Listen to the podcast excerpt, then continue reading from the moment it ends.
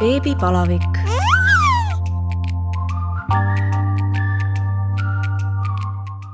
tere tulemast kuulama Õhtulehe beebi podcasti Beebipalavik. mina olen saatejuht Katariina Toomemets ja täna on minu külalisteks Helen ja Edgar Kõpp ja nende väike beebi Lili.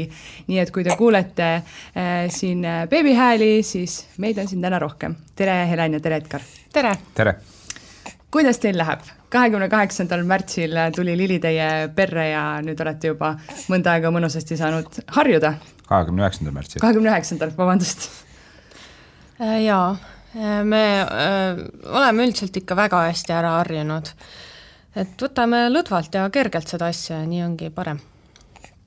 jaa, ei täiega mõnus on selles mõttes, et äh, polnud, polnudki tükk aega nii väikest beebit süles hoidnud ja noh, nüüd see on mõnus lihtsalt, et äh, nagu Helen mulle tihti ütleb lihtsalt, et et hea, et tal tissid on, et muidu ta ei saaks mitte midagi teha, et ma tegelen lapsega kogu aeg. Jaa, Edgar on väga suur fänn beebil. Nii et äh, tegelikult selle me leppisime kohe alguses juba kokku, et äh, ma ütlesin Edgarile, et kuna mul võib olla eelsoodumus selleks äh, sünnitusjärgseks depressiooniks, siis esimesed kuus nädalat üldiselt peab keegi teine aitama just sünnitanud ema, et põhimõtteliselt naine peab saama nii palju lamada ja kõiki neid asju teha, mis ta tahab, öösel ka magada, sest et nagunii raseduse ajal on veidi keerulisem magada selle suure kõhuga ja raske olla, siis siis noh, umbes esimesed kuus nädalat peab mees selle kõik oma õlule võtma, et beebit voodisse tassima tissi juurde ja no beebi tahab väga sageli siis tissi otsas olla ikka iga tunni-kahe tagant, et mitte iga kolme tunni tagant, et see on alles hiljem. ja siis seda peab tegema mees ja nii me tegimegi ja see on väga palju aidanud meid, sest et see raske aeg läks mul üle ja nüüd on ikka väga hea lihtne olla no läheme siis äh, eelmise aasta äh, suvesse äh,. me sinuga tegime juulis intervjuu, kui sa rääkisid, et äh, et sul tervise tõttu sel hetkel ei olnud võimalik rasestuda, aga, aga juba sügisel sa ikkagi teatasid teise lapse ootusest. et kuidas te siis reageerisite, kui kui saite teada, et pere nüüd suureneb?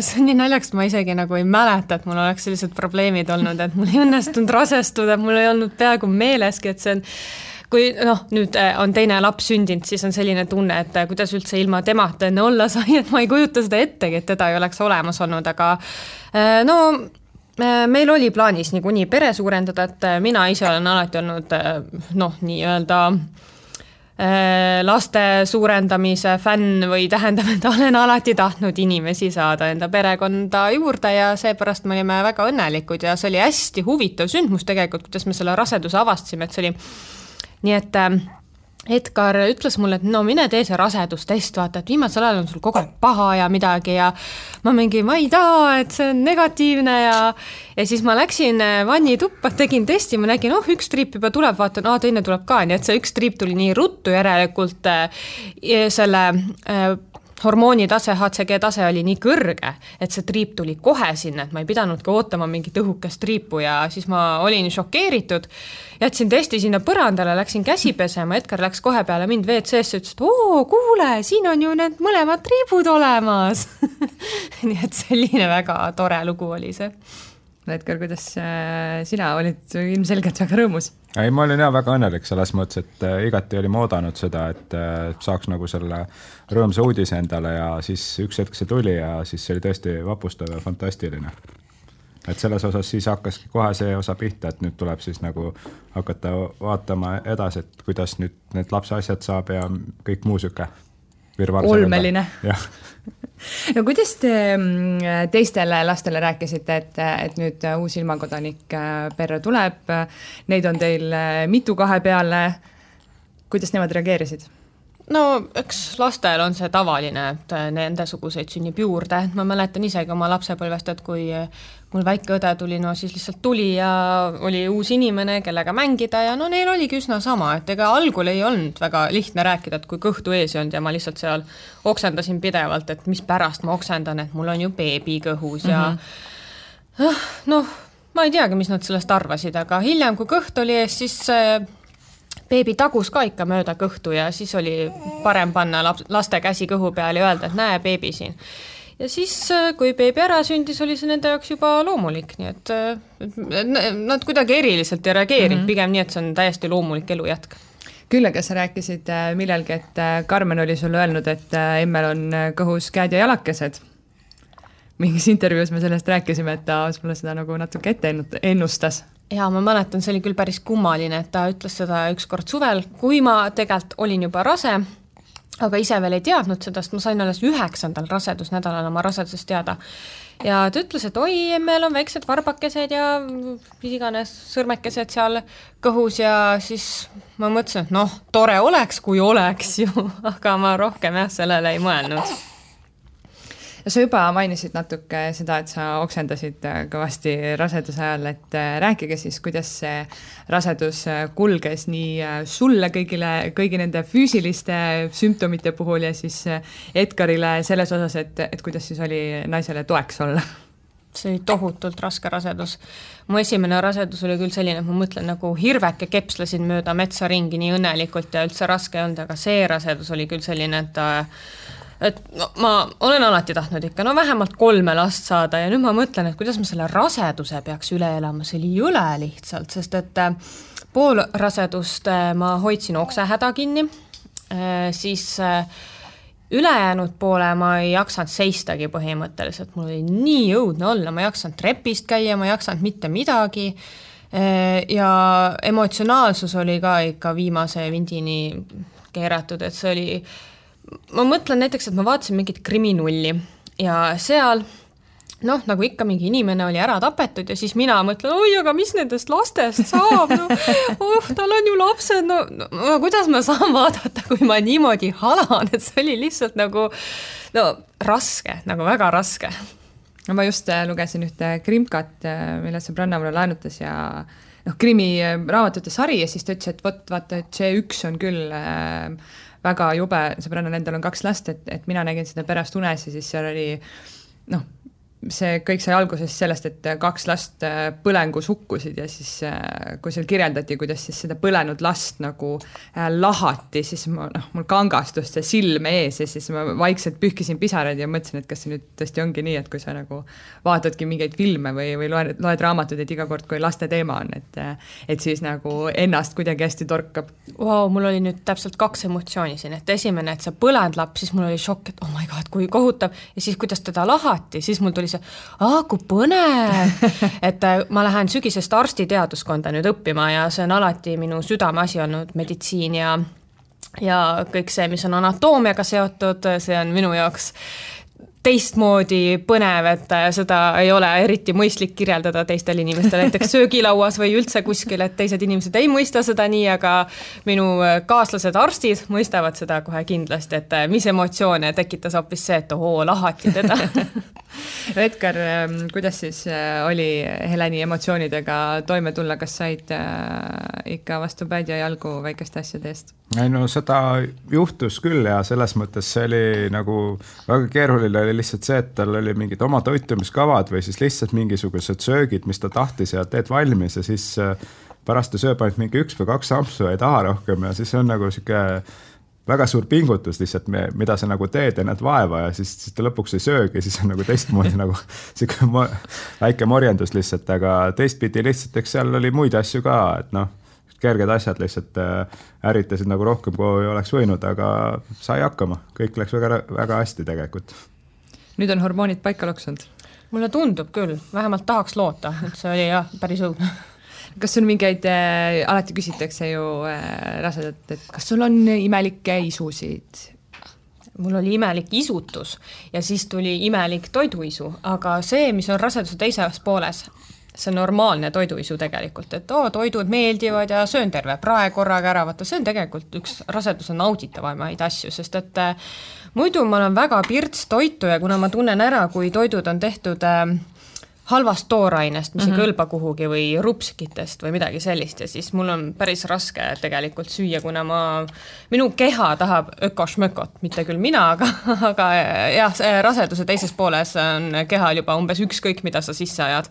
aga esimeses pooles ma ei tea, kas just mingeid isusid oli, pigem oligi see, et lihtsalt ei tahakski süüa, ei taha kunagi toite näha, et see selline täiesti kaks ekstreemsust no ma mäletan, mul tuleb selle toitu teemaga tuleb lihtsalt meelde, et okei okay,, et kui muidu öeldakse, et lihtsalt mingid isud või ei ole isud, et noh, mingil määral Helen sõi ju alguses nüüd juustusaias ja niisuguseid asju suutis ise süüa nagu varasemalt ja siis oli niimoodi, et kui ma ise tegin üks hetk juustusaiad valmis nagu soojad juustusaiad nii-öelda, et siis äh, läksin korraks tema kõrvale ja siis järgmine moment oli lihtsalt see, et siis ta lihtsalt tormaski toast välja kohe WC-sse oksendama lihtsalt, et igal lõhn sellele niisugune kiire reaktsioon nagu mm. -hmm. ja, ja siis ma, siis ma ei tohtinud, siis ma ei tohtinud enam, ma ei tea, põhimõtteliselt süüagi samas toas enam mina ka kogu aeg ütlen, et mul ei olnud raseduse ajal noh, mitte midagi hullu, aga tegelikult, kui ma ikka pärast mõtlen, siis päris alguses oli niimoodi, et noh, mingid lõhnad lihtsalt nii hullult võimendusid, näiteks meil on kodus kaks kassi, on ju, ja ma olin just pannud kassidele värske toidu, õues ei olnud üldse kuum ega midagi.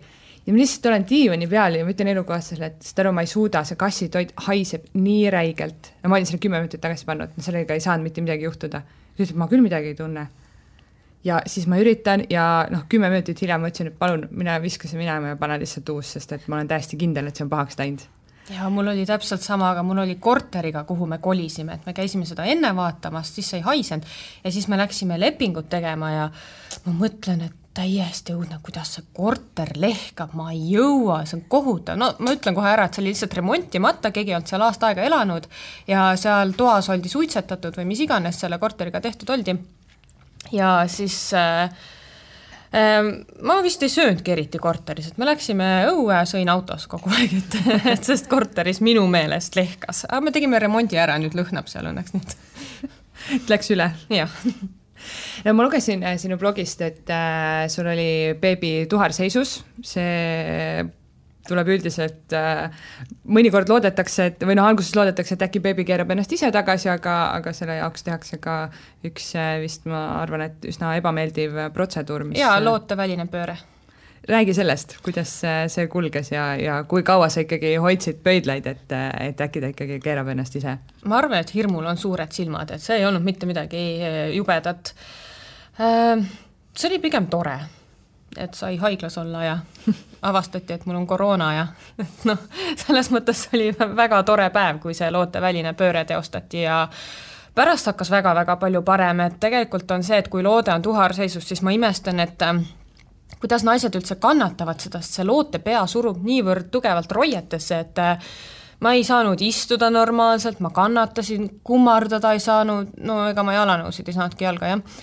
ja siis, kui see looteväline pööre ära teostati, siis ta pea vajus ikka normaalsemalt sinna vaagnasse ja tema pehme pepu oli ülevalpool ja siis ma sain rohkem kummardada, oi kui hea see oli ja siis roided ei valutanud nii jubedalt, et oh, see oli mõnus, et see oli ikkagi hea ja see protseduur ise, no ma ei tea, et seal üldse midagi hullu oleks, võib-olla ainus hmm, asi on see, et et see ravim, mida nad mulle veeni panevad, et see põhjustab igavust ja see on võib-olla kõige raskem asi. no kuidas see siis äh, käib, lähed sinna, võetakse lihtsalt su kõhust kinni ja reaalselt füüsi-, füüsiliselt äh, keeratakse last?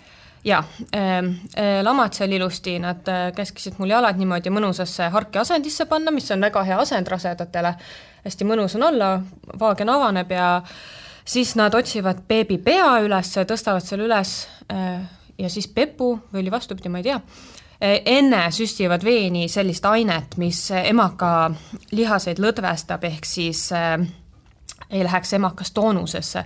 See kahjuks paneb ka südant kiiremini puperdama, et see oli see, mis ma tegelikult kartsin, aga no elas üle selle õnneks mm -hmm., et see ei olnud midagi hullu. ja siis lihtsalt keeravadki selle beebi ringi ja beebi algul on veidi rahutu seal kõhus, et oh my god, nüüd on teine asend ja mul ei ole nii mugav ja lõhub ja laamendab ja no mitu KTG-d ka tehakse, et tegelikult mm -hmm. võtab see sellepärast tunde aega, et nad teevad neid KTG-sid seal väga palju ja KTG, see kardiotokograafia siis beebile võtab tegelikult no kakskümmend minutit vähemalt või mhm, kolmkümmend mm -hmm, ja, ja, ja mul tehti ikkagi päris mitu neid, nii et need võtsidki seal peamise aja ja siis ma igavlesingi seal. Aga miks siis äh, seda lootevälist pööramist üldse tehakse? Sellepärast, et loode võib sündida tuharseisus küll, aga riskid on lihtsalt suuremad ja see on raskem, sest et pea on see, mis avab sünnitusteed kõige paremini, nii et kui ta sünnib siis kas kuidagi jalade ees või pepu ees, siis no jah, lihtsalt suurendab veidi riske muud nagu väga ei olegi. ja seepärast ka, et iseendal on tegelikult mugavam, kui see loode on mm -hmm. seal õiget pidi. ja lisaks ka see, mina olen arvamusel, mida mul ei tehtud, aga raseduse ajal võiks jälgida ikkagi, mis pidi see loode on, et naine saaks mingil määral ise suunata loodet ja õppida tundma oma keha, et mis pidi loode on. sest ka esimese raseduse ajal oli mul kolmekümne teisel nädalal loode veel tuharseisus Äh, või tähendab, oota, peaseisus jah, ehk siis valet pidi. ja ma sain selle teada ja seal hakkas ämmaemand kohe, et oi-oi, nüüd peab välise pööramise tegema. Ja siis ma ise keela, keerasin loote ringi, et ärge kodus proovige, aga ma istusin, ma mäletan, loengus ja ta hakkas jälle mulle peaga ribidesse suruma. Ja siis mul oli teadmine olemas, et ahaa, see on ju tema pea, mis sinna ebamugavalt surub. ja ma lihtsalt panin käed ette, lihtsalt ei lubanud, sest mul oli valus ja ma ei tahtnud. Ja ma tundsin, kuidas ta keeras ringi. Ja oligi ringi keeranud ja sa ei mõelnud, et teinekord teeks ka seda ise kodus äh,? No, siis ei olnud nii lihtne enam? ma jaa, proovisin käed ette panna sinna ribidesse, aga teda ei huvitanud, et ta ikka surus edasi ja ei keeranud ennast sugugi ringi, nii et jah, siis pidi seda meditsiinilist protseduuri rakendama no ta oli nüüd palju tugevamate käte ja jalgadega Just, ka. täiesti teistsugune beebi, et see on ka teine asi, et esimese raseduse ajal see beebi mul paindus kõhus nii hästi, et käed ja jalad olid igal, igatpidi risti, jalad harkis näiteks äh, mõlema külje peal tagusid, aga sellel beebil, oi jumal, jumal, mida ta seal tegi, nagu need käed olid tal kinni jäänud sinna vaagnasse mu meelest ja ta õhtuti hakkas neid alati mitu tundi tõstma ja see oli nii valus, et äh, ma kunagi ei suutnud uskuda, et kuidas saab valus olla see, et beebi kõhus taob, minu meelest see on mõnus, see on tasuta massaaž, see on vahva. aga see, mis tema tegi, ta nagu venitas midagi seal niimoodi, et ta tõsiselt nagu poksija, aga aga kui sul ikka kõik igasugused elundid talle ette jäävad, siis ilmselt on valus. jaa, aga see ei olnud isegi see, see oli pigem, et ta ühte kohta surub nii tugeva jõuga ja ja need kohad, kuhu ta mul tegelikult surus, need olid peamiselt kõhulihased mm. -hmm. ja ta suruski mu kõhulihased selliseks ära, et kui ma olin ära sünnitanud, ma ei saanud sirgelt käia ja mu kõhulihased paranesid väga pikka aega sellest äh, sisemisest löögist ja mu emakas ka tegelikult oli peksa saanud kõvasti, et see paranes väga kaua, et see valutas väga tõsiselt mm -hmm. mul. et ja see oli sellest, et see beebi oli tohutult tugev ja praegugi, kui inimesed teda hoiavad, siis nad imestavad, oi kui tugevad käed ja jalad ja ja kui ta ära sündis, siis tal olid ka nii tugevad käed, et Edgar ka mingi ütles, et issand, kui tugev käsi ja siis ma ütlesin, et mõtle, see tugev käsi oli mul kõhus ja tagus mind noh, ei no praegu ta on isegi tubli selles mõttes, et nüüd ta on ju selles mõttes kasutab oma seda tugevust ära ka, et nüüd hakkas just hiljuti hakkas keerama ka, et kuigi ta ise on alles kolme poole kuune, et vaja sees nagu mingil määral. no ja. areneb. jah, et ma seda ka imestan, et ta päris ruttu hakkas keerama, aga no jumal tänatud, sellest tugevusest mingigi kasu no esimesed pööramised ta tegi tegelikult juba mingi paarikuuselt isegi hakkas juba keerama. ei, see oli vist isegi kuuajaselt või alla kuu või isegi kohe peale sündi, see oli hästi kummaline, panime ta kõhuli ja siis ajas end nii püsti, et keeras selili, aga ta ei teinud seda minu meelest teadlikult mm, -hmm. nagu et praegu teeb teadlikult, seda on näha, et paned ta selili, siis ta mingi oh jess, nüüd saan proovida ja keerame end kõhuli ja pillib, et pange selili tagasi, tahan veel. aga siis ta lihtsalt kuidagi juhtumisi nagu suvaliselt sattus no kuidas, kui saite siis teada, et äh, beebi on äh, tulemas, kuidas te valmistusite, kas teil oli äh, varasemate tütarde asju alles või, või pidite ikkagi nii-öelda nullist hakkama riideid, turvahälle, ma ei tea, lapsetuba sisustama? Kahjuks meil ei olnud midagi alles ja see ongi üks asi, mis ma kahetsen, aga samas ma ei saanudki midagi alles jätta, sest ma kolisin nii mitmeid kordi, et mul ei olnud võimalik neid esemeid alles jätta. Edgaril samamoodi, et ta oli vist ka kolinud või mis iganes ja tal ei olnud ka mitte midagi alles, nii et see oligi jah, peamine mure, et et kõik need asjad tuleb uuesti saada, aga õnneks me saime Kas..., Helenil oli palju sõpru-tuttavaid või sõbrannasid, kes talle saatsid asju ja nii edasi, et siis igaüks saatis natukene, kellel olid just lapsed olnud ja nii edasi, et siis me tegelikult oli, ja noh, mul endal ka mõni tuttav saatis, et päris palju nagu asju saime kokku, et me ise ei ole veel peaaegu midagi ostnudki beebile. Noh, see on hea ju ka taaskasutus ja noh, milleks neid äh, väikseid äh, podikesi asju ikka kõiki uusi osta, kui, kui nagunii põhimõtteliselt päevaga välja kasvab. no mul oli täpselt sama mõte, et esiteks mulle taaskasutus väga meeldib ja mul on, oleks kahju teiste inimeste asjadest, kui nad lihtsalt need, ma ei tea, noh, nad niikuinii annetaks ära, et siis annetagu juba mulle ja mina annetan ka edasi mm. -hmm. et see on väga mõistlik tegelikult ja beebi kannab ju jah, mõnda podi vaevu kannabki no mul, mul oli samamoodi, et äh, just sõbranna sai äh, juulis lapse ja, ja minu laps siis äh, sündis detsembris, mõlemad poisid, et siis oli ka niimoodi, et esimest suurust asju, noh, ma ei, ei pidanudki üldse ostma, sest oli, ja nii palju oli neid, et ma sain sealt ka edasi, edasi anda, et nüüd lähikonnas on ka korralik ringmajandus käib. Et noh, vankrid ja sellised asjad oleme uued ostnud, aga, aga riiete puhul on küll ikka ja noh, ma olen tegelikult ostnud ka, aga ka teiselt ringilt, et et äh, väga hea meelega taaskasutan. jaa, see on väga mõistlik. no kuidas te reageerisite, kui te saite teada, et äh, jälle on üks äh, piiga tulemas?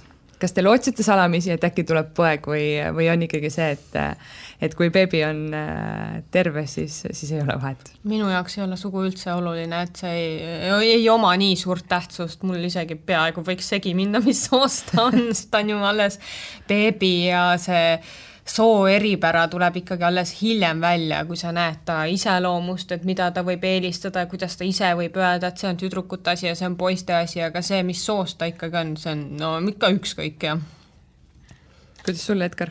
no mina omalt poolt lihtsalt ma naljatades lihtsalt nii-öelda siis kui ennem seda, et kui me mõte oli, et umbes, et äh, et peaks nagu pere suurendama ja nii edasi, siis nagu, nagu öeldakse, niisugune traditsioon, et kui šampat välja valad või midagi, et siis see pudel ei lõppe, et see, siis tuleb nagu poeg valada, et siis nagu naljaga pooleks, et aga samas nagu niipidi mul ei olnud nagu vahet, et kas tuleb poeg või tütar, et selles mõttes kõige olulisem asi on, ongi alati see, et terve beebi on, et see, et mul on nagu jah, nüüd kokku neli tütart, et see on väga tore nojah, aga ma teen praegugi nalja selle poja üle, et ütlen, oo, ta on minu poja, et noh, umbes nagu loomadelgi on need pojakesed, okei okay,, ma ei võrdle küll inimest loomaga, aga point on ikkagi selles, et, et nad on armsad lapsukesed kõik mulle no tuleme siis ähm, selle juurde, kuidas Lili siia ilma tuli äh,, kuidas sünnitus kulges, kuidas protsess algas?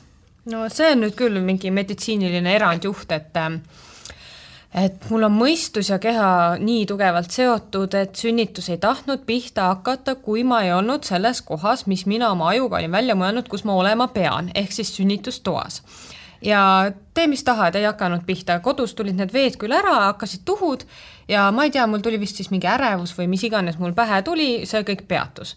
Ma mingi jumala eest, et jälle tulid veed varem ära, et see tähendab, et ma võin sattuda eelsünniosakonda, kui sünnitus pihta ei hakka, sest seal pannakse penitsiliini põletiku ennetamiseks mulle veeni.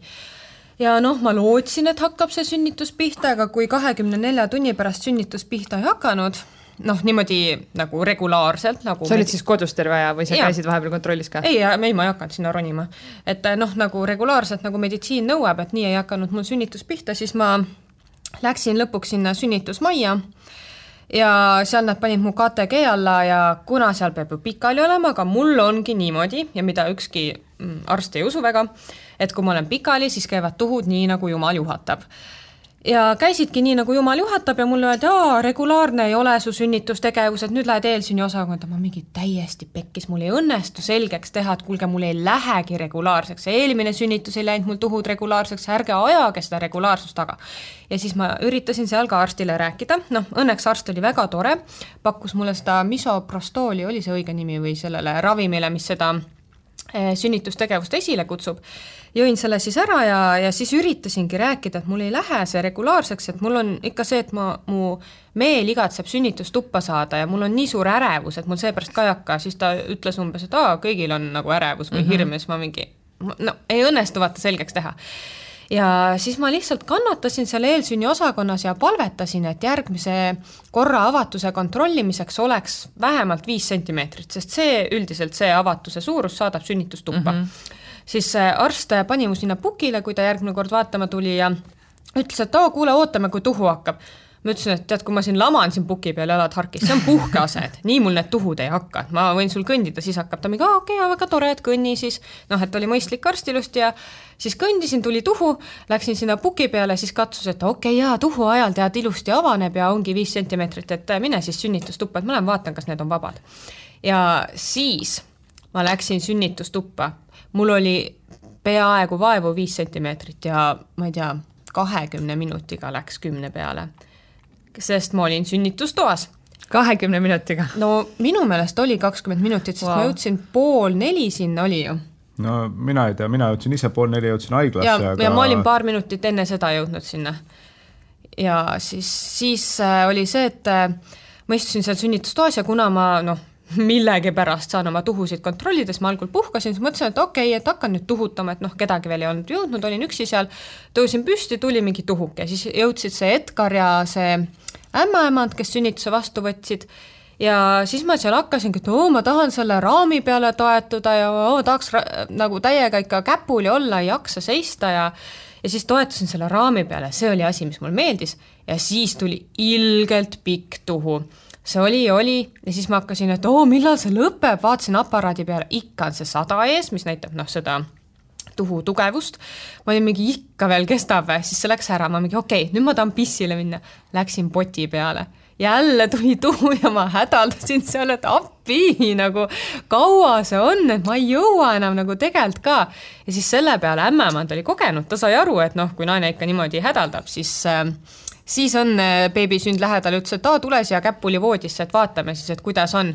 ja siis vaatas, et okei okay,, täisavatus ja kohe umbes sünnib ja, ja nii ma seal selle ära sünnitasingi. ja tuli nagu pudrukuul?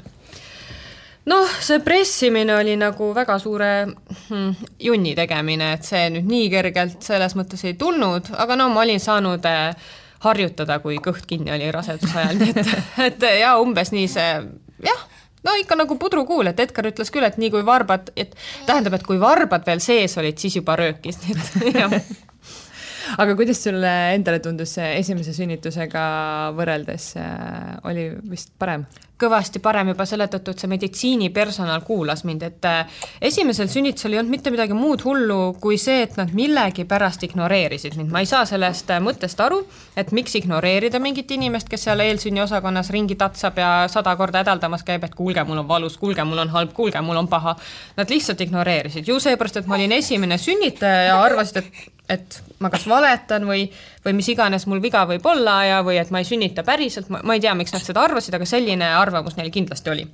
ja siis, kui ma jõudsin sünnitustuppa, siis oli ka see häda, et nad ei seletanud mulle, et mis toimub, et kas beebi südametöö on nii aeglane, aga ma sain aru, et nad võib-olla tahavad keisrilõiget teha ja see on asi, mida ma hirmsasti kardan, mulle ei meeldi, kui mind lõigutakse lihtsalt. ja siis ma seal noh ei, ei teadnud, vaata, milles probleem on, aga tõenäoliselt oli beebi südametöö madal, aga nüüd tagantjärgi teades, see oli tõenäoliselt seepärast madal, et ma olin nii suures stressis, sest ma olin mm -hmm. eelsünnioosakonnas üksi ja adrenaliin viib ju vere ära sealt emaka juurest ja viib kätesse ja siis nad käskisid olla mul selilivoodis ja nagu nüüd me teame, see on minu puhkeaset mm, -hmm. siis mhm. lähevad kõik tuhud ära ja siis pressi niimoodi, mitte mingeid presse ei olnud ja ma pressisin kõik silmad endal puruks, nagu silmad olid väga rõvedad, nagu mingi õudusfilmist välja tulnud kollil. et äh, nad lihtsalt ei tahtnud ja, et ma käpuli oleks millegipärast, et nad ütlesid, et mine selili. ma ei tea, mis probleem oli, ma ei tea, kas oli beebile tõesti nii parem või ei, aga minul ei olnud see kohe kindlasti parem ja raske uskuda, et see ka beebile parem oli, kui mul halb oli. et see oligi lihtsalt ainus probleem, et selline kommunikatsioonitõrge võib-olla, et nad äh, või siis ei, nad ei mõistnud, et mul on väga vaja teist mm -hmm. teha või et üldse mul on vaja sünnitustuppa saada, et äh, seepärast äh, nojah, ega mul ei olnud kedagi, kes minu eest ka seisaks ja ise sellises väga haavatavas olukorras enda eest seista kahjuks ei suuda no ega sa ju selles mõttes ka, et see on nagu see hetk, kus äh, tõesti sa võid ju mõelda, et äkki siis, kui nemad ütlevad, et, et nii peaks, et ma pean olema sellises asendis, siis noh, järelikult nad teavad, mida nad teevad, eks. täpselt, täpselt, see mul nii oligi, ma mõtlesingi, et no kui nad nii ütlevad, ju nad mm -hmm. on mhm. väga targad ja nad teavad väga hästi, et ju nad nagu on kõike ise kalkuleerinud, et mida mul vaja on, kui suur see oht on beebile või mm -hmm. mulle ja seepärast ma nii olengi ja noh, oli ka esimene sünnitus ja ega ma ei julgenud seal väga hädaldada, et kuulge, mul on ikka väga halb olla mm -hmm. selili ja ja oli ka see, et noh, kuna ma olin seal selili ja ma küsisin, et no millal ma nüüd pressin, siis nad ütlesid, ise pead tundma, aga ma ei tundnud mm. -hmm. siis ma vaatasin selle aparaadi peale, millal see näitab sada ja siis teesklesin pressimist, et see ei ole tegelikult okei okay ju. et ma käitusin umbes nagu eksamil, et näidata mm, -hmm. et oo, mul on teadmist, et ma tean küll, millal pressida, aga no tegelikult ei teadnud, ei olnud mul mitte mingit pressi. ja kui äh, beebi lõpuks äh, kätele anti, mis tunne oli? Äh, kas selle või esimese beebiga? teise puhul nüüd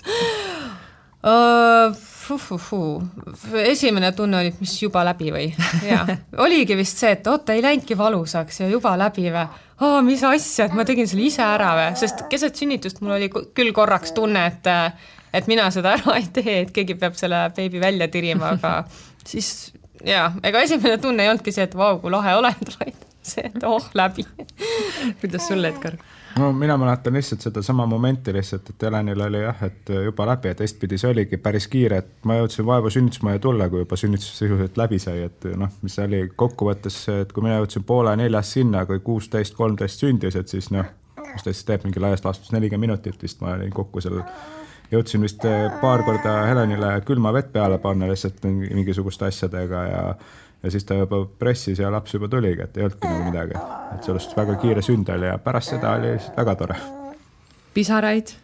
oi no ega me kergesti ei nuta see oli pigem ikka see ülevoolav rõõm, mida me hakkasime kohe lähedastega jagama, et pigem oligi selline tunne, et ma tahan nüüd kõigile oma lähedastele öelda, et näete, beebi on siin, vaadake, kui ilus ja armas ta on, et jah, pigem selline tunne no mingi mõte oli ka veel, et oo, me mõtlesime, et kui me sinna sünnitustuppa saime, et aa, et näed, seal on vann, et sa tahtsid veel mingi vanni minna ja võib-olla ja siis võib-olla tahaks veel kaamerat püsti panna, et filmiks natuke midagi ja.... kahjuks ei saanud filmida et.... mitte midagi nagu ei jõudnudki lihtsalt, sest et see lihtsalt nii kiiresti toimus. ja et see filmimine on sellepärast nii noh, oluline oleks mul olnud, et see on ikkagi harukordne sündmus, seda juhtub ainult mm -hmm. mõni kord elus ju, kui keegi sünnib sinu seest välja ja ja see on selle jaoks, et jah, et võib-olla meenutadagi kogu seda rõõmu, mis siis aset leidis mm, -hmm. sest see on mhm. ikkagi nii rõõmus sündmus, et vaatad ja mõtled, et issand, kui vägev see oli, et ma tegin selle ära ja ja kuidas see ilus uus inimene mu seest välja tuli, et ta esimest korda nägi ilmavalgust, vaata see, see on nii äge, et, et siis noh, videos saaks seda uuesti üle elada mm. -hmm. kuidas, kui kaua te haiglas olite ähm,? oota, palju kaks tavas... päeva vist umbes? ei, kolm me olime ühe päeva rohkem, sellepärast et mul see kõht valutas hirmsasti, et emakas valutas ja kõhulihased valutasid, et ma ei hakanud eriti kergesti püsti käima, et pärast e, esimese lapse sündi äh, oli see, et ma kohe kepslesin ringi, mingi oh, nüüd on nii hea, kõhtu ei ole, aga pärast äh, Lili sündi oli see, et ma ei saanud sirgelt käia, ma ei saanud seista, ma ei saanud mitte midagi, mul oli täiesti selline tunne, et mu kõhulihast on katki pekstud seestpoolt, nii et ma pidin sellest lihtsalt paranema ja toimuma. kas teine asi oli see, et veebil taheti vist mingit geneetilist testi teha, mida me kaotasime lihtsalt? ei, see on tavaline jah, neid teste tehakse, et me lihtsalt mõtlesimegi, et mis me ikka siin edasi-tagasi käime, et mm -hmm. parem tehakse kõik need asjad seal ära, oota, mis nad veel võtsidki, ei mingi vaktsiini tegid ja midagi sellist jah. kuidas äh, siis tunded olid, kui koju saite mm,? pigem selline tunne, et see on nii loomulik ja see ongi kogu aeg pidanud olema, et elu peabki selline olema. Lili äh, ütleb ka sõna sekka. tal oli ka tore, kui koju saadi tal oli väga tore, lastel oli väga tore ja kõik lapsed võtsid ka seda samamoodi, et see on väga loomulik, et mm -hmm. nii pidigi olema. kuidas sul äh, sünnitusest taastumine läks? Äh, no see kõhulihaste asi, siis see paranes seal sünnitusmajas ja edaspidi kodus ka ma võin teile väga hea nipi jagada, et kõhtu lihtsalt tuleb sees hoida, mitte nagu hinge kinni, aga kõhtu sees, sest nii äh, väheneb kohe see diastaas ehk siis see kõhulihaste nagu see lahknevus, see väheneb. Ja trennis hakkasin ka käima, aga siis lihtsalt ei tee kõhulihaseid need esimesed nädalad, esimesed kuus nädalat ja siis esimesed kuus nädalat tuleb ka oma vaimset tervist hästi tugevalt hoida, mis tähendab, et äh, üldse mitte stressi, üldse mm -hmm. mitte halbu uudiseid meediast ja ja üldse mitte rabelemist ja mul võivad ka unehäired tekkida, seega öösel mitte üleval äh, kõndimist, et siis mitte beebile järgi minna, vaid seda teeb keegi teine, beebi toob, beebi tuuakse rinnale mm. -hmm ja siis sellepärast ma taastusin hästi, et ma olen Edgarile väga tänulik, et ta mõistis seda väga suurt olulisust, mis esimesed kuus nädalat peab äh, sünnitanud naisel osaks saama. oli, oli kerge või oli raske, Edgar? no ma ei tea, ma pigem olen selles mõttes äh, võib-olla ma ei tea, mul ongi nagu sihuke võib-olla loomuses mingil määral olla nagu selle, selles osas selline isa, kes siis nagu panustabki väga palju sellesse, et kui on nagu väike imik või väike laps, et siis võimalikult palju anda endast selles mõttes, et äh, tal kõik hästi oleks ja minu jaoks ei ole keeruline see, et ma tõusen näiteks öösel üles, et äh, kui vaja, et annan kas siis ise mingist pudelist piima või noh, olenevalt, kuidas on. seda pudelit me ei teinud. nojah, meil ei ole pudelit olnud, aga ma ütlen, et lihtsalt mähkmeid vahetada või mingi selline asi, see ei ole minu jaoks üldse probleem, et äh, pigem nagu teen selle ise ära ja ei hakka nagu kedagi teist vaevama selle jaoks. just nii, et me tegime sellise tööjaotuse, et me vaatasime, kes mida oskab, et äh, Edgar oskab äh, noh et tal ei ole püsti kargamine põhimõtteliselt raske, aga mul on, järelikult mina mm -hmm. seda ei mhm. tee ja tema teeb, et noh, sellise asja tegimegi, et inimesed peavadki vaatama, et äh, mis erinevused neil on ja seda oma kasuks rakendama no muidugi oli see asi ka, et beebil oli algusest saadik olid need äh, gaasid või koolikud, aga samas nagu nendega õnneks ma avastasin lihtsalt ise ühe niisuguse mõnusa nipi, et mul on mingisugune üks asend, kuidas ma aitan tal neid gaase väga hästi välja saada ja seeläbi lihtsalt äh, noh, kui muidu beebi oleks koolikute pärast mingi võib-olla poolteist tundi järjest võinud seal nagu äh, Äh, noh, karjuda valust, siis äh, selle asemel viis või kümme minutit lasid gaasid välja ja oligi kõik. ja et tal kahjuks olid juba sünnist saati gaasivalud äh, või siis seedetegevuse li-, no valud, et isegi enne mekooniumi väljutamist ta nuttis no ikka päris hüsteeriliselt mitu tundi ja lastearst ka isegi ei uskunud, et see võimalik on, aga lõpuks ikka nägi, et jah, tõesti, meie beebil on juba sünnist saati gaasivalud mm. -hmm oli äh, sul ka keeruline, et äh, kui äh,, kui beebi nutab gaasides ja siis äh, ja siis sina ei saa kohe talle järele nii-öelda startida? või ikkagi selles mõttes, et kui isa on juures, siis noh, ei saa ju mitte midagi juhtuda ja kõik on tegelikult korras?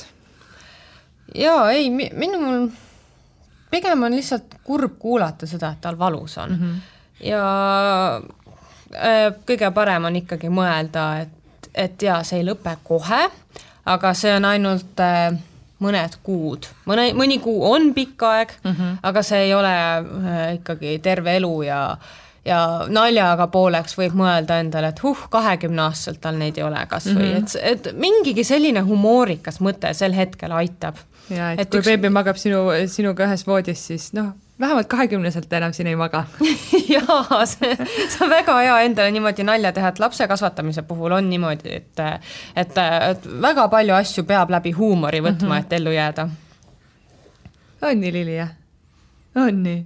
no meil oli tore asi ka veel muidugi, et selle raseduse ajal äh, me võtsime seda vanemate koolitust ka ja sealt sai ka nagu päris palju nagu neid asju, kuidas siis nagu üks asi nagu vanemate lastega tegeleda, aga teistpidi lihtsalt, et selle nooremale lapsele tulekuks lihtsalt, et meil oleks väga ühtne nagu see vanem kasvatusstiil, millest muidugi mm -hmm. Helenil oli oma osa juba ette, et ta nagu päris palju nagu neid teadmisi, mida seal nagu anti, oli Heleni poolt juba ette nagu teada nii-öelda. jah, selles mõttes, et tema nagu rääkis mulle neid asju varem, aga noh, siis on ikkagi mingil määral selline võib-olla poolik niisugune suhtumine, et aa, mis see, mis see naise loba on, et ma ei tea, ma tean ise paremini ja jah, ja kuna ma olen hästi selline inimene, et lapsi peab no ikka noh, maksimumini hästi kasvatama ja sealhulgas ka ennast hästi hoidma, siis äh, ma ütlesin Edgarile, et nii, et no kui sa tahad nüüd mul, minuga veel nagu beebisid saada, siis, siis me võtame selle väga intensiivse lastevanemate koolituse, see imelised aastad, noh, see on ikka tohutult intensiivne mm. -hmm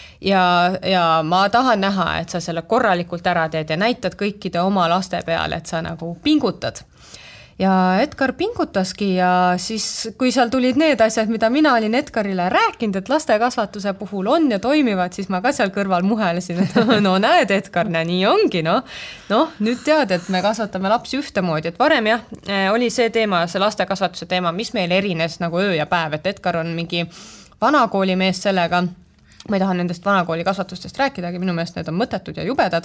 mina olin aga hoopis selline uue aja inimene, kuna ma mäletan iseenda lapsepõlvest ka väga palju ja ma juba lapsena mõtlesin, et oi, seda tegid mu vanemad valesti, mina teen eh, teisiti täiskasvanuna, siis eh, ma teadsin nagu mida ma tahan teha paremini ja seda olin juba rakendanud, aga need läksid vastuollu Edgari arvamustega mm -hmm. ja seepärast oligi see vanem, no ma lihtsalt mõtlen, et me oleme veel mingeid koolitusi võtsime, et jah, et igatahes see programm oli äh, tohutult hea, ühtlustas meie arvamused ja nüüd me jätkamegi sellises stiilis no kuidas teil üldse oli siis äh, enne, ütleme, lapse äh, planeerimist, et äh, kas te istusite maha, ma ei tea, rääkisite vaheldumisi, et vot minul on sellised mõtted lapse kasvatamise osas ja minul on sellised, vaatasite, kui palju sealt nagu kokku läheb või, või nagu sellist nii-öelda suurt diskussiooni alguses ei olnud, ma pean tunnistama, et meie oma elukaaslasega ei, ei rääkinud näiteks noh, see ei, ei olnud nagu sellist, et vot minul on nagu mingid väga kindlad põhimõtted.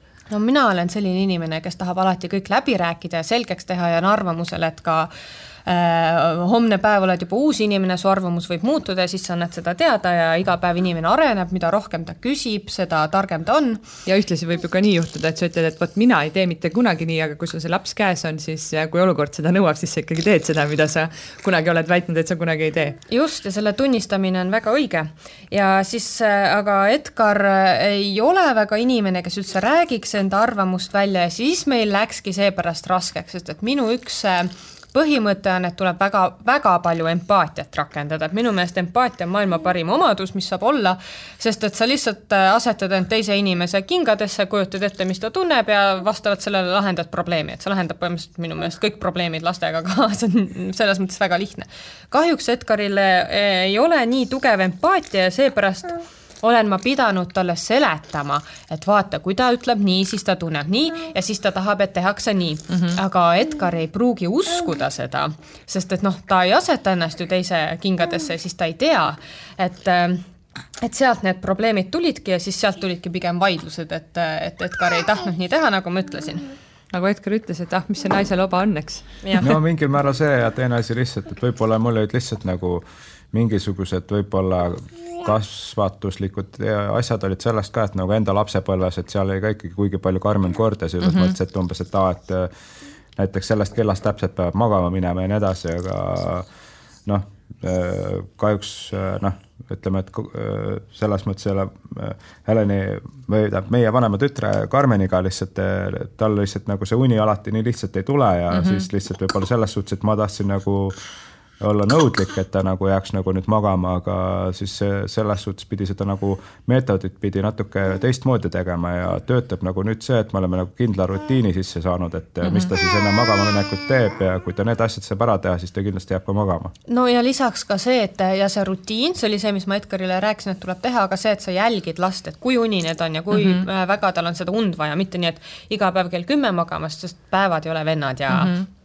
ja mõnikord on vähem väsinud, mõnikord rohkem. ja et... kõik oleneb ju ka sellest, mis kell ta hommikul sul ärkab, on ju. ja, ja, ja kuidas ta lõunauinakut mm -hmm. tegi ja kui vähe või palju ta on eelnevatel päevadel maganud, et see kõik äh, kokku tuleb noh, kalkuleerida ja siis selle järgi laps magama saada, et see on tegelikult jah, suur äh, ajutöö, aga õnneks mul see mõtlemisvõime on väga-väga kiire, aga Edgaril kahjuks äh, oli nagu raskem lihtsalt sellest aru saada, et ma mõistan, sest et tema lapsepõlves oli teisiti mm. -hmm no mingid asjad ju tulevad paratamatult lapsepõlvest kaasa, et kui sa noh, kui sa ei olegi, ega me ju kõik ei sünni, meil ei ole peas nagu kõik manuaalid, kuidas last kasvatada ja ikkagi võtad ju eeskuju oma lapsepõlvest, kuidas nagu noh, sinuga asju tehti.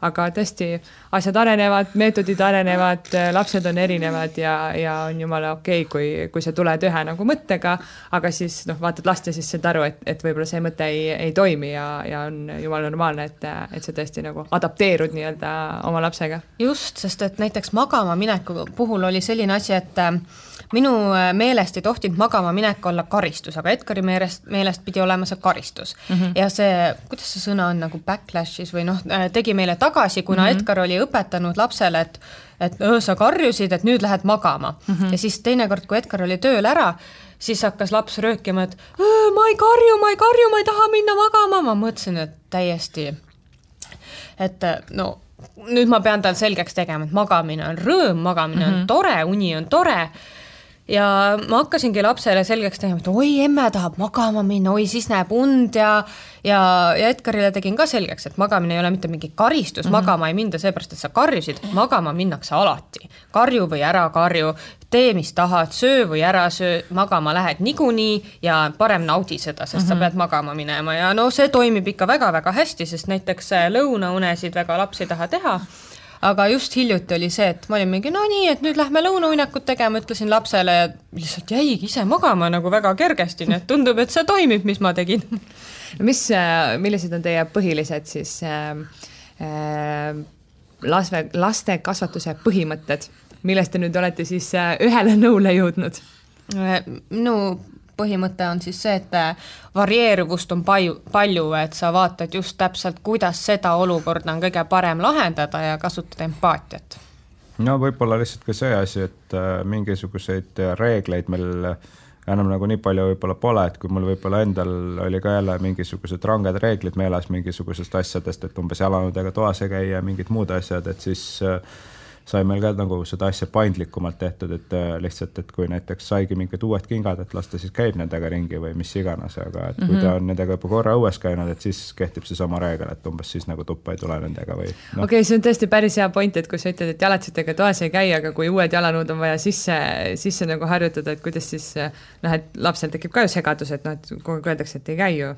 jah, aga see ongi see, et sa õpetad lapsele just seda, et olukordadel on alati erandeid mm -hmm. era- ja, ja sa ja just... ma ei ole selle peale näiteks kunagi tulnud, jumala hea point. ja, ja see õpetab lapsele tegelikult loovust, intelligentsust ja isemõtlemist, et ja arusaamist maailmast ja tänu sellele on näha, et laps on ikka väga intelligentne mm, -hmm. sest et äh, noh, kas või selle jalanõude asja, võib-olla ta ongi kuidagi laiendanud eh, igale poole muule, et näiteks meil on pusasprei ja tema hobuse lakk läks pusasse, et tal on niisugune väike mänguhobune ja siis hakkas seda pusaspreid sinna laskma, mis näitab ka, et ta tegelikult on väga loov, et saab aru, et pusasprei lahendab pusasid ja siis pritsis hobuse peale seda, et ähm, et see õpetabki lapsele, et kui jalanõud on mustad, siis seepärast ei käida toas, mitte sellepärast, et jalanõudega ei käidagi mm -hmm. toas, et see ei ole lihtsalt mingi reegel, et maailmas ei olegi mingeid selliseid äh, otseseid reegleid äh,, vaid need on inimeste poolt välja mõeldud seepärast, et meil oleks parem elada mm. -hmm. no mis veel võib-olla on sellised äh,,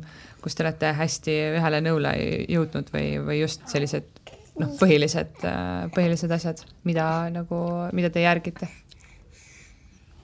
No ma ei teagi, et ma mõtlen lihtsalt, et äh, üldjuhul üritame lihtsalt nagu lapse nagu, lapsest nagu aru saada ja vahet teha siis kasvõi sellele, et kui lapsel on jonn või on tal lihtsalt mingisugune muu vajadus lihtsalt nagu ja ja nagu eristada neid teineteisest, pluss veel siis mm -hmm. nagu see, et äh, see reaktsioon, mis siis nagu sellele asjale tuleb ja mis on nagu siuksed tahtmiste nagu järeleandmised ja siuksed asjad, et seal tuleb nagu vahet teha, millal on see nagu sihuke õige aeg nüüd asju anda ja millal mitte anda, et see nagu kõik sihuke loksub lihtsalt äh, vaikselt paika, mida rohkem nagu me koos neid asju läbi teeme lihtsalt jah, ja siin on hea, et Edgar hoiab mind äh, kahe jalaga maa peal, et äh, ma olen päris kergesti manipuleeritav ja laste poolt ka.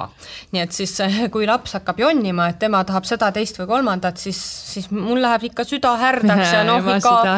annaks talle ja tahaks, et tal kõik nii hää oleks ja aga siis, siis ma võtan ja Edgarist püüan nagu eeskuju võtta, et hoian end tagasi, et alati ei saa anda, sest et muidu see pärast maksab mulle endale kätte mm. -hmm ja tundub, et äh, ikkagi siis äh, lõpuks toimib, olete saanud oma kasvatuslikud nurgad maha lihvitud? jaa, need täiesti, äh, pärast seda programmi saime väga maha lihvitud ja nüüd ülejäänud asjad alati räägime omavahel läbi, et näiteks mulle ei meeldi see, kui Edgar äh, ei suuda end äh, korralikult väljendada, et temal vist oli perekonnas see, et äh, küsimusi ei küsitud sellepärast, et päriselt teada, nii nagu mina ülikoolis teen ja nii nagu mina üldse teen, vaid küsimusi küsiti seepärast, et teist inimest sõimata mm. -hmm. ja siis näiteks Edgar küsib lastelt, kus sa lähed, kui ta tahab öelda, et sinna ei maksa minna või sinna ei tohi minna või ära teele jookse, siis ütleb, kus sa lähed mm. -hmm. no see on ju küsimus ja siis ma olen Edgarile öelnud, et lõpeta see küsimuste küsimine, et nagu ütle lapsele konkreetne käsk või põhjus, põhjus või midagi, et aga ära küsi, et siis see on asi, mida me veel praegu siin püüame maha lihvida aga muu jah, on väga-väga hästi toimima hakanud, pluss meil on tegelikult äh, lapsed on keskmisest raskemad, noh nagu meie omavahelised lapsed. Edgari eelmisest abielust lapsed on väga kerged lapsed minu meelest, aga aga praegu Lili ja Karmen on küll sellised, kes äh, on, no näiteks Karmen oskab väga intensiivselt jonnida mitmeid tunde eh, kui näiteks ta teeb seda trikki, et ta tahab midagi või ei taha mm. -hmm. näiteks ma ütlen talle, et eh, ma pakun sulle, ma ei tea, mett, et eh, tahad lusikatäie mett, ta ütleb ei taha siis äh, söön ise ära või annan Edgarile ja siis läheb, ma ei tea, viis minutit mööda, siis tuleb karjuma, et ta tahab mett, ma ütlen, et enam ei saa mm. -hmm. ja siis karjub ja karjub ja karjub ja, ja siis, kui ma siis pakuks talle mett, siis ta ütleb ei, ikka ei taha mm. -hmm. et äh, selline asi on talle, äh, millega ta üritab maailma manipuleerida, aga noh, mina ja Edgar saame sellest aru, aga teised inimesed, kes seda pealt näevad nad ei mõista seda, et me peame, et meie Edgariga teemegi tööd, ignoreerides tema jonni selles osas. et teised inimesed mõtlevad, oo, miks sa ei anna lapsel seda, mis ta tahab nagu mm, -hmm. mis sa lased lapsel jonnida. et vaata, et peamised kasvatuslikku nagu head kasvatust hävitavad tegurid on ikkagi teised inimesed mm, -hmm. sest ise lapsevanemana oled oma lapse ekspert ja tead täpselt, mida oma lapsele on vaja teha ja anda, aga teised inimesed jah, tulevad sageli vinguma mm. -hmm.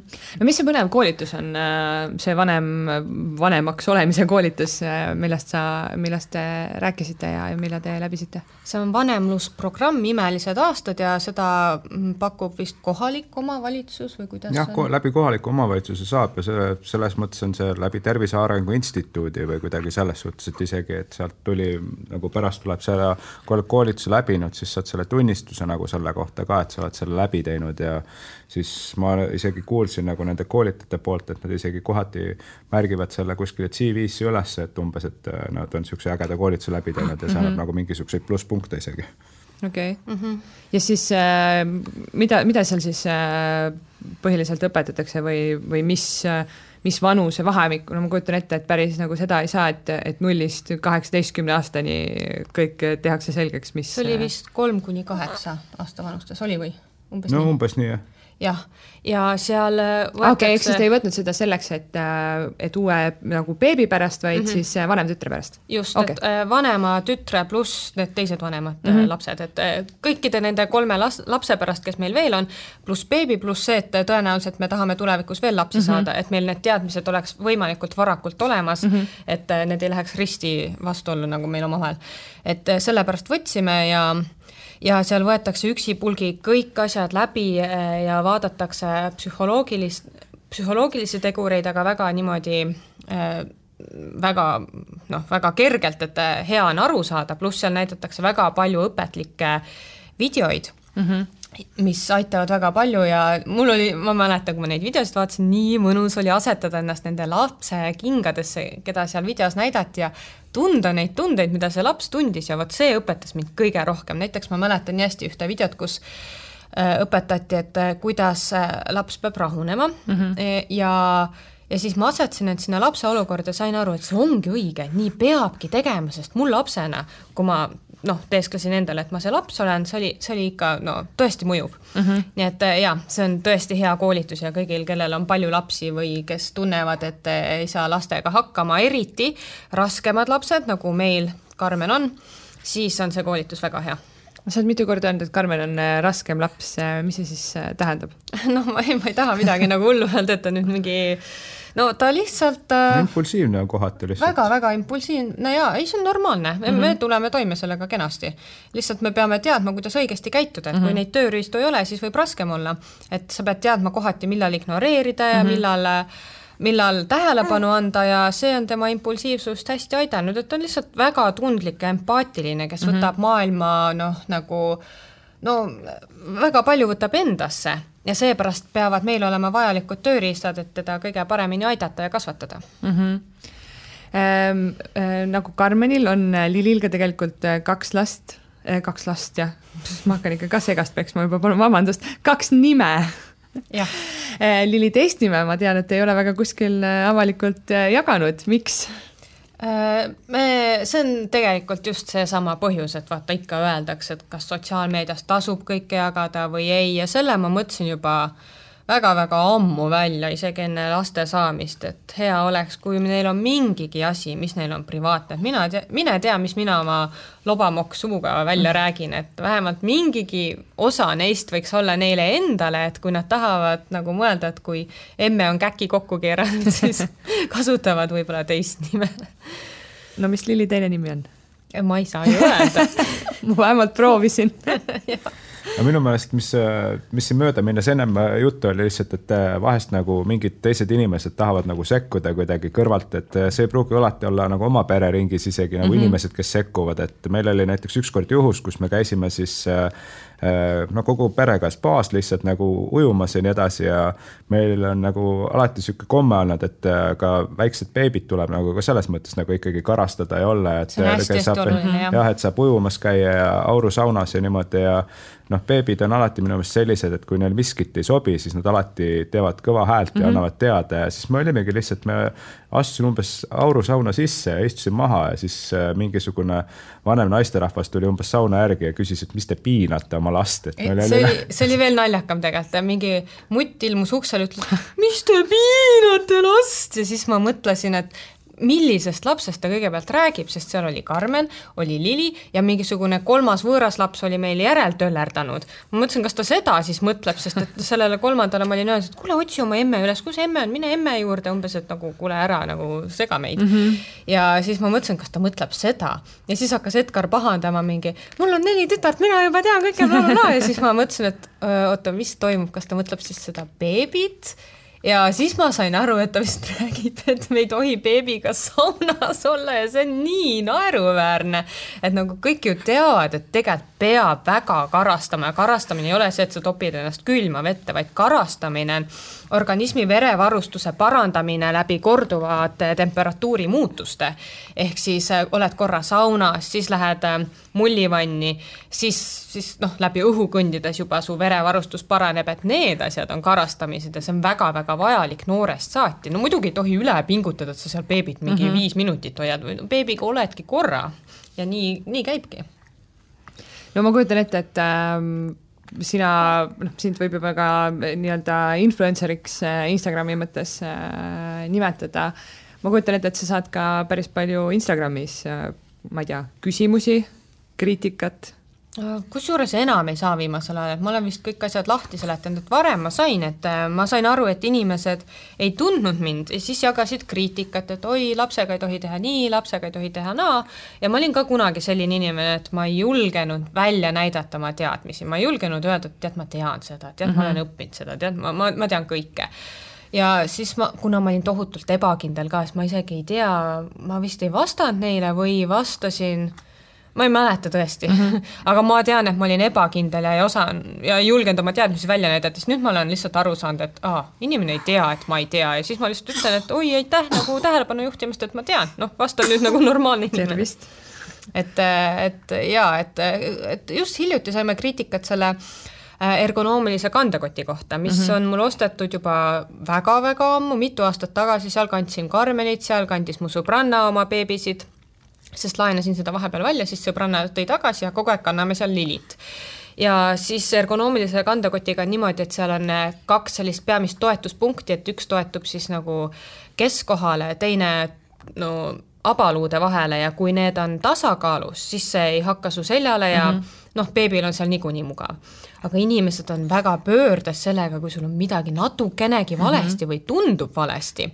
et näiteks Edgaril vist ühel pildil, kuna see pilt on sellise nurgalt tehtud, et inimestele tundus, et oi-oi, et Edgar ei saa musi teha beebi peal, sest see on neile ka hästi tähtis, et mm -hmm. see peab nii kõrgel olema, et ulatud beebi pea peale musi tegema, siis mulle mitu inimest kirjutas, see on valesti, see on valesti, beebil on seal nii halb, ta piinleb seal, mis siis, et noh, beebi magas ja nautis seal olemist siis ma lihtsalt panin juurde oma teadmised sinna et mis ma juba tean, sest ilmselgelt mul on tohutud teadmised mm -hmm. selle kohta, see kott on mul aastaid olnud ja ma olen seda korduvalt kasutanud. ja siis ühes teises videos, kus Edgar oli mingi kiirkõndi teinud beebi kõhu peal, siis see kott mm -hmm. oli lihtsalt ära vajunud kõnni tõttu ja ma, ma mõtlesin küll, et ma ei hakka panema, et inimesed hakkavad jälle noh, arvama, et see lühike video näitab mm -hmm. kogu mu nagu teadmisi, aga ma ikka panin, mõtlesin, inimesed mõistavad ja siis nad kirjutasidki, et ai, kott on valesti, siis ma ütlesingi, et no vaata, vajus alla tegelikult, et see ja et no asjad ikka vajuvad, vaata, kui Edgar terve kilomeetri ära kõnnib kiirkõnnis, et siis no, jah. seal oli jah, American Horse Show'l oli niisugune mingisugune võistlus, et seal pärast seda nii-öelda hobuste kappamist oli siis ka pealtvaatajate seas tehti mingisugune võistlus, et eh, kes siis kõige kiiremini selle mm -hmm. ringi ära kõnnib ja kuidagi niimoodi ja ega ma tegelikult selles mõttes ise nagu väga aegselt ei kõndinudki, et ma kõndsingi ikkagi päris kiiresti selle beebiga selle ringi ära, et kui seal oli osalejaid oli, ütleme, et võib-olla selles võistluses mingi paarkümmend, kolmkümmend tükki, siis mina olin tegelikult mingi koha positsiooni järgi, ma olin mingi neljas või viies, kes sealt üle, ületas selle stardi finišijoone, ütleme, et siis noh, ajaliselt ma, ma ei oskagi öelda, kui kiiresti see kilomeeter oli, et kui muidu rahuliku kõnniga võib-olla kõnniks niisugune kaksteist minutit kilomeeter, siis ma kõndisin, ma arvan, mingi kaheksaga või mingi niimoodi mm. -hmm. ja seal oli vahepeal oli veel see asi, et beebil tuli müts ära, tal tuli lutt ära ja ma pidin ise endale veel jaki ära viskama no et siis ongi, et kui sa näed mingit sellist hetke, et no tõesti mütsi peas ei ole, siis keegi ütlebki kohe, et aa, et issand, beebil peaks ikka müts peas ja, olema. no seega, no mhm. jumal tänatud, et vist see aeg beebil juba müts peas oli, muidu mm -hmm. oleks ma selle eest ka vastu päid ja jalgu saanud, mis on muidugi arusaadav, ma mõistan, inimesed tegelikult väga-väga hoolivad lastest ja nii peabki mm -hmm. olema, ma kordan tegelikult seda, et et mulle meeldib, kui inimesed nagu hoolivad lastest, aga on äh, osa asju, et äh, ei maksa öelda kurjasti selliseid mm -hmm. asju ja teine asi, et kui tahad midagi maailmas parandada, siis noh, neil inimestel ma tegelikult soovitan ka väga keskenduda lastele, kellel tõeliselt halb on, kellel mm -hmm. on kodus halb või kellel ei ole vanemaid või kes vajavad abi, et, et siis suunata oma tähelepanu ka sinna, et see on hästi oluline ma tulen tagasi ikkagi äh, Lili nimeloo juurde. Äh, kuigi see, kuigi ta seda teist äh, nime ei avalda, siis siis äh, kuidas ta nime, mõlemad nimed siis äh, sai, et äh, ma olen kuulnud lugusid, kus vanemad peavad sõdu, et, et kuidas lapsele nime panna ja, ja olen ka kuulnud lugusid, kuidas absoluutselt tuleb ilma pikemate vaidlusteta. minu, meil elukaaslasega näiteks oli lihtsalt nii, et rääkisime, et aa, need on ägedad nimed ja jäid valikusse ja lõpuks lihtsalt mõtlesime, et see on ägedam nimi ja paneme selle. ma lõpetan kohe selle sõja ära ja ütlen, et äh, võib vist öelda, et ma ei tea, kas spirituaalselt on nii, et ema peab lapsele nime panema, sest et, äh, et lapse hing tuleb ema juurde, noh, kui me natuke metafüüsikalistel teemadel räägime, siis, äh, siis ema tõenäoliselt või teoreetiliselt teab, mis lapse nimi on ja, ja nii see peabki olema. ja siis mina olengi mõlematele lastele põhimõtteliselt ise niimoodi jah, nimed mõelnud, et ikka nõu küsin. ja miks ma arvan, et see tegelikult ka nii on, et ema peab lapsele nime panema, oli see, et minu ema tahtis mulle nimeks panna Karmen. ja teised ütlesid, et ära pane, see on mustlasnimi ja seepärast mu ema pani mulle teise nime. ja kui mu ema seda mulle rääkis, kui ma väike olin, ma terve aeg mõtlesin, et, et no teem ma, ma oleks tahtnud seda teist nime, et see teine nimi on see, mis läheks, oleks mu elutee võib-olla teinud mulle mm -hmm. endale nauditavamaks. et ja sellega ma tahan panna südamele, et ema panebki üldiselt lapsele nime ja nime, nime aga noh, sa ei saa panna ju nime, mis isale üldse ei meeldi, et peate kompromissi ju leidma. sealt leiabki jah, et siis ütledki selle nime välja, et mis võiks panna ja siis isa võib-olla ütleb ka oma sõna sekka ja Lili saigi oma nime nii, et, et Lili oli mulle meeldinud juba ka ammusest ajast. no see on su vanaemaga ka selles mõttes, et sealt nagu, meil oligi kaks varianti, et kui sünnib poiss, et siis tuleb äh, ka ikkagi Heleni suguvõsa kaudu lihtsalt, et tal äh, jah mm, -hmm. Et äh, sealt üks osa nimest ja teine osa nimest meil oli kokkulepe, et tuleb siis ühe mängu järgi ja et üks mu lemmik arvutimäng on, ma võin sulle öelda, et Red Dead Redemption kaks teine osa siis. ja sealt ongi see teine nimi Lilile võetud, nii et vaadake kõik need tegelased üle ja siis võite mõelda, mis see nimi on äh, sa enne juba ka mainisid, äh, et sa nüüd alustad arstiõpinguid, palju õnne! aitäh! Äh, kust tuli siis see mõte ja, ja võib-olla ka julgus väikese beebi kõrvalt nüüd ennast kuueks aastaks siis järgmisele beebile pühendada nii-öelda?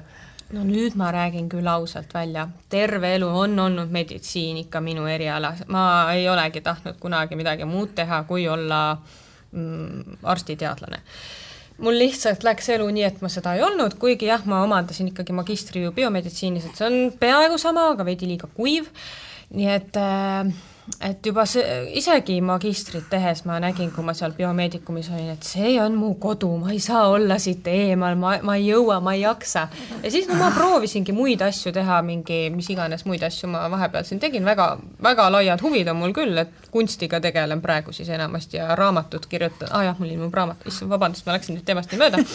et siis arstiga oligi see, et ma vaatasin, et magistriõpingutest on kuus aastat möödas ja see on endiselt mu unistus, ega see ei ole kuhugi kadunud, et et ja kuna me tahame endal kodu osta ja kuhugi ikka kodu ei leia, siis ma mõtlesin, et no ostaks Tartusse, siis ma mõtlesin, oot, Tartus on ülikool ja varsti algab nagu kandideerimine ka sinna ülikooli, sest no kandideeriks kuhugi nagu õppida kangesti tahaks, mu aju on nagu niisugune, et ma ilma õppimata ma lihtsalt ei saa olla. ja siis äh, vaatasin, et noh, ma ei tea, panen siis arsti ja kolm sisseastumist seda katset on seal, üks on akadeemiline test, teine on keemia-füüsika kombineeritud eksam ja kolmas on äh, sisseastumisintervjuu siis ma mõtlesingi, et no akadeemiline test on ka aja jooksul muutunud, et viimati tegin seda ikka väga-väga ammu ja ja nüüd on mingi arvutis ja, ja siis see keemia-füüsika, no sellest ma ei mäleta enam mitte midagi keskkooli omadest. ja siis noh, et lihtsalt proovin, mõtlesingi lihtsalt proovin Läksin siis Tartusse, tegin akadeemilise testi ära, seal ma sain päris kõrged punktid, ma algul mõtlesin seda testi tehes, et miks see nii lihtne on nagu ja ma mõtlesin, et see on lihtne seepärast, et ma olen loll, kuna akadeemiline test käib niimoodi, et seal tulevad need äh, vastused selle järgi, mida sa enne vastad, kas vastasid õigesti või valesti, et kui sa vastad nagu valesti, siis äh, pannakse sul kergem küsimus, kui vastad õigesti, pannakse vist raskem. Ja siis ma mõtlesin, et issand, miks kõik nii kerged on, ma olen järelikult nii rumal. Aga siis sain päris kõrged punktid, kuuskümmend üks ja kuuskümmend viis punkti. On juba see, et sa saad igale poole sisse. Okay.. seega kuuskümmend üks on kõrge ja ma mingi vau. Wow. ja siis äh, tegin seda keemiat ja füüsikat. Ja, ja see oli neli tundi. Ja see eksam, ma fännasin seda, sest mul oli neli tundi vaikust ja rahu lastest. ma olin mingi, oi kui mõnus on auditooriumis, oo, ma saan mõelda. Ja ma ei tea, kas mul need asjad seal kõik meelde tulid, aga imekombel sain ka kõrged punktid, et ju ikka jah, tulid, ma mäletan ikka, ma mõtlesin seal ja vaatasin, ma vist jälle olin, et issand, miks nii kerged asjad, oh my god, miks nii kerged, et nagu ma põdesin, et kas on kerged seepärast, et ma ma nagu mõtlen midagi valesti või ma ei tea. igatahes äh, sain selle tehtud, et no ju ma ikka midagi mäletasin. ja sisseastumisintervjuul sain muidugi maksimumpunktid, seal ma rääkisin tõtt ja siis, siis vaatasin, et saan sisse, noh, et ja ma nüüd lihtsalt ja ma kardan seda, et õppida muidugi on palju, see on kindlasti intensiivne ja kuidas ma laste kõrvalt jõuan aga ma tean seda, et ma fännan õppimist ja see mõjub mulle lihtsalt tohutult hästi, kui ma uusi teadmisi omandan ja eriti eriala peal, mida ma naudin.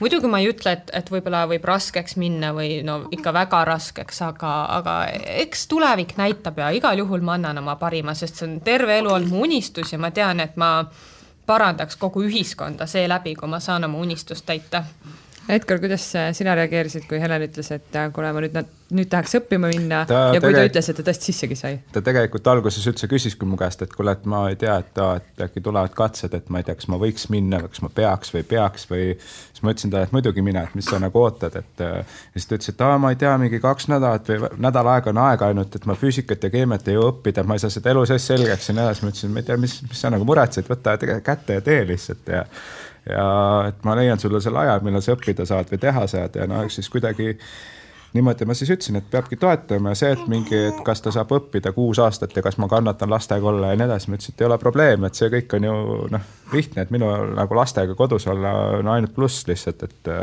et see kõik väga hästi ja minu meelest mööda minneski nüüd lisaks selle sama suure virvarri sees ma sain veel kogeda ka esimest korda oma nagu seda uut nagu nii-öelda ametit või väljakutset, mille ma endale sihiks võtsin ja, ja siis äh, äh, see noh, see on see, et ma nüüd hakkan pulmaisaks ja ma ühe pulma juba tegin ära ja see läks väga hästi.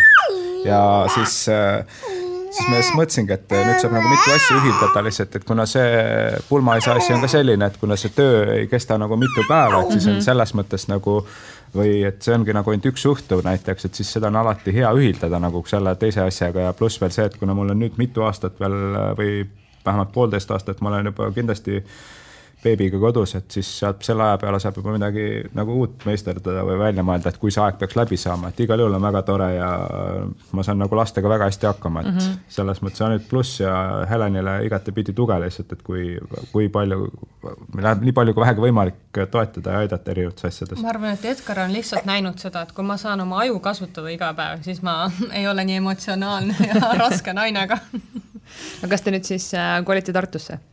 jah no seda millal, me peame tegema millal minekuks läheb? ma ei tea, me ei ole siis, kui me koha leiame.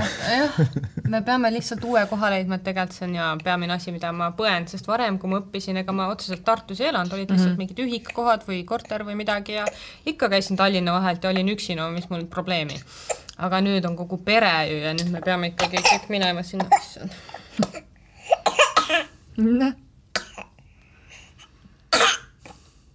aga jah, ei selles mõttes, et äh, seal Tartus, et äh, noh, eks me üritame lihtsalt jah, selle koha leida võimalikult kiiresti ja kui võimalik on, siis me ostame midagi, kui ei saa, siis äh, paneme esialgu üürikorterisse mingi aja, et ja kuna meil seal teoreetiliselt on vist niikuinii, et kuus pluss neli või mis see on siis, et umbes neli aastat on ju veel seda no mis on see arstis see residentuur. jah, residentuur, et seda siis äh, noh, et umbes kümme aastat peaks nagunii olema, et siis see mm -hmm. olekski nagu üldse halb investeering sinna vahepeal seal elada ja mulle nagu selles mõttes äh, meeldib see mõte, et elada mõne, vahelduseks mõnes teises linnas ka kui Tallinnas no lõpetuseks äh, ma küsin küsimuse, mida küsitakse mingil täiesti imelikul põhjusel ka umbes neilt vanematelt, kes on just sünnitusmajast koju jalutanud, et millal siis järgmine laps tuleb ma ei tea, võib-olla jätame jumala hooleks selle või ma ei oskagi öelda, ma olen aru saanud, et ega ei ole mõtet nii väga planeerida, millal see laps tuleb, vaid pigem seda,